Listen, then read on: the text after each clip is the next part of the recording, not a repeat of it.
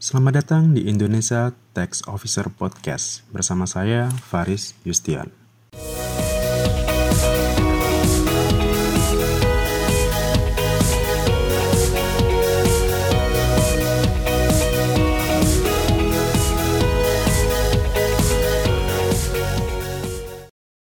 Selamat malam.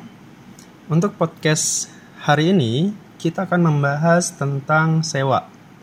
Nah, untuk sewa kali ini kita membahas tentang sewa terkait dengan penggunaan harta.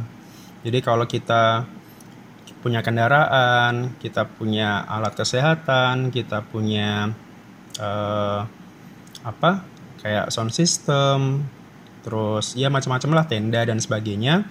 Kalau kita sewakan itu semua, kira-kira saya dipotong pajak berapa sih? Kemudian tarifnya berapa dan sebagainya. Nah, kita akan membahas itu malam ini. Oke. Untuk sewa terkait dengan harta. Oh ya, sebelumnya kita uh, bahas dulu pengertian dari sewa itu sendiri. Nah, sewa di pengertian uh, apa?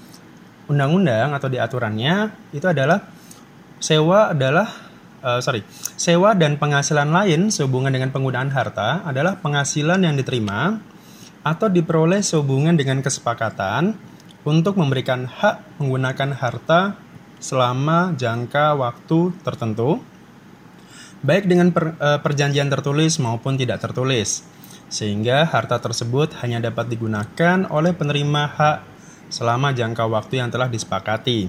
Jadi, kalau dari penjelasan tadi ya berarti jelas ya pengertian sewa itu jadi Misal saya punya kendaraan, kemudian saya sewakan ke orang lain. Saya punya sound system buat acara pernikahan misalkan saya sewakan. Nah, itu berarti termasuk uh, objek pajak gitu.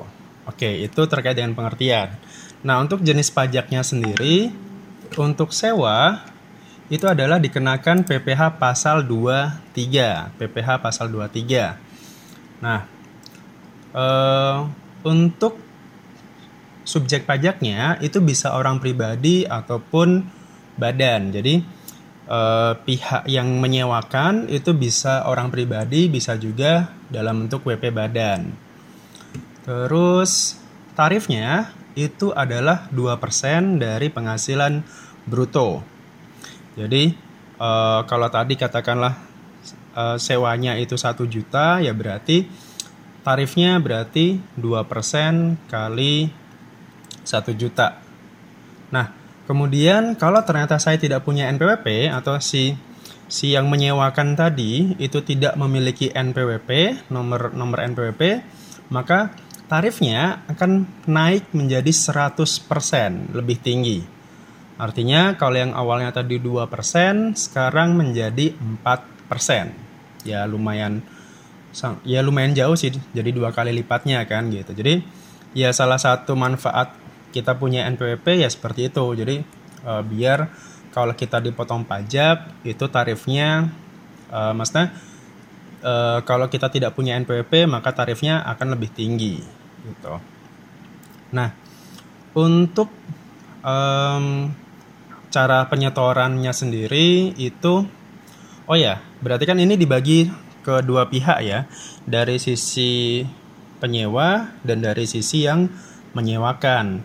Kalau dari sisi yang menyewakan, ya sudah berarti barang itu uh, kita sewakan, kemudian kita mendapatkan penghasilan. Nah, berarti kan yang dipotong itu kan berarti kita sebagai pemilik ya, karena kita yang mendapatkan penghasilan. Nah, yang memotong adalah dari sisi penyewanya, karena mereka yang memberikan penghasilan yang memberikan uang sewanya tadi. Gitu. Nah, untuk mekanisme penghitungannya sendiri kayak tadi contoh uh, saya menyewakan sebuah alat 1 juta. Nah, kita kalikan 2 persen. Ini asumsi kalau saya punya NPWP. Kita kalikan 2 persen. Kemudian uh, berarti uh, penghasilan yang saya terima karena tadi sudah dipotong pajak ya berarti tidak tidak satu juta berarti 1 juta dikurangi 2% tadi gitu. Oke, itu dari sisi uh, yang menyewakan. Nah, dari sisi penyewa itu berarti tadi selain menghitung dan uh, apa? memberikan penghasilan tadi, dia juga harus menyetorkan pajaknya. Nah, untuk penyetoran pajaknya sendiri, NPWP yang dipakai untuk untuk penyetoran adalah NPWP mereka, NPWP dari pihak penyewa. Kemudian kode pajaknya itu adalah 4 triple 1, 4 1 1 1 3 kali, kemudian 24 itu kode jenis PPA pasal 23. Nah, kode jenis torannya itu adalah 100. Kemudian untuk saat terutang atau saat pemotongan atau pada saat uh, penyetoran. Nah, uh, penyetoran itu paling lambat dilakukan dila, uh, apa ya pajaknya ya penyetoran pajaknya paling lambat dilakukan adalah tanggal 10 bulan berikutnya.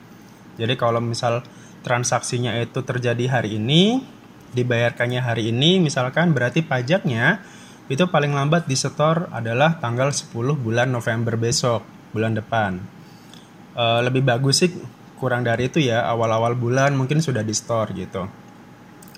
Nah untuk penyet itu sudah penyetoran. Kemudian setelah distorkan baru dilaporkan tadi transaksinya. Yang melaporkan adalah dari sisi penyewa dari pihak penyewanya gitu. Jadi mereka yang melaporkan PPA pasal 23. Pelaporannya sendiri itu maksimal tanggal 20 bulan berikutnya. Jadi kalau transaksinya sekarang ya berarti maksimal tanggal 20 bulan depan gitu. Atau ya tadi lebih awal lebih nyaman gitu. Nah, eh apalagi ya? Oh ya, terkait dengan bukti potong. Um, bagi pihak penyewa karena tadi juga kan mereka yang menyetorkan pajaknya ya.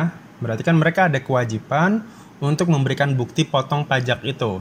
Jadi mereka membuat bukti potong pajak pasal 23 terkait atas sewa, nah itu diserahkan ke pihak pemilik tadi, pemilik sewanya tadi. Nah, itu yang uh, itu diserahkan. Nah, dari sisi pihak yang menyewakan, bukti potong ini adalah hak bagi mereka karena nanti itu bisa dikreditkan di SPT tahunan atau istilahnya itu bisa jadi pengurang nantinya uh, atas pajak yang nanti kita bayarkan sendiri gitu. Jadi disimpan aja, kalaupun uh, nggak diberikan, ya kita harus minta. Pak, saya mau minta bukti potong yang terkait pasal 23 ini, gitu. Karena itu hak bagi kita dan kewajiban bagi pihak yang menyewa tadi, gitu. Um, mungkin itu saja ya yang terkait dengan sewa. Jadi uh, ini terkait dengan sewa penggunaan harta ya, karena kalau sewa terkait uh, misal kayak ruko, rumah, tanah dan sebagainya itu jenis pajaknya beda lagi gitu. Karena kalau itu yang itu jenis-jenis pajak PPA final sih, mungkin nanti kita bahas di segmen berikutnya deh. Tapi kita fokusnya di sewa untuk penggunaan harta terlebih dahulu. Mungkin itu saja uh, untuk bahasan kita malam ini. Silakan untuk memberikan kritik, saran atau pertanyaan ke email pribadi saya atau ke medsos pribadi. Terima kasih sudah menyimak untuk bahasan kali ini dan mohon maaf kalau saya ada kekurangan. Segala kekurangan datangnya dari diri saya pribadi dan kesempurnaan datangnya dari Tuhan. Terima kasih dan selamat malam dan sampai jumpa karena besok Senin.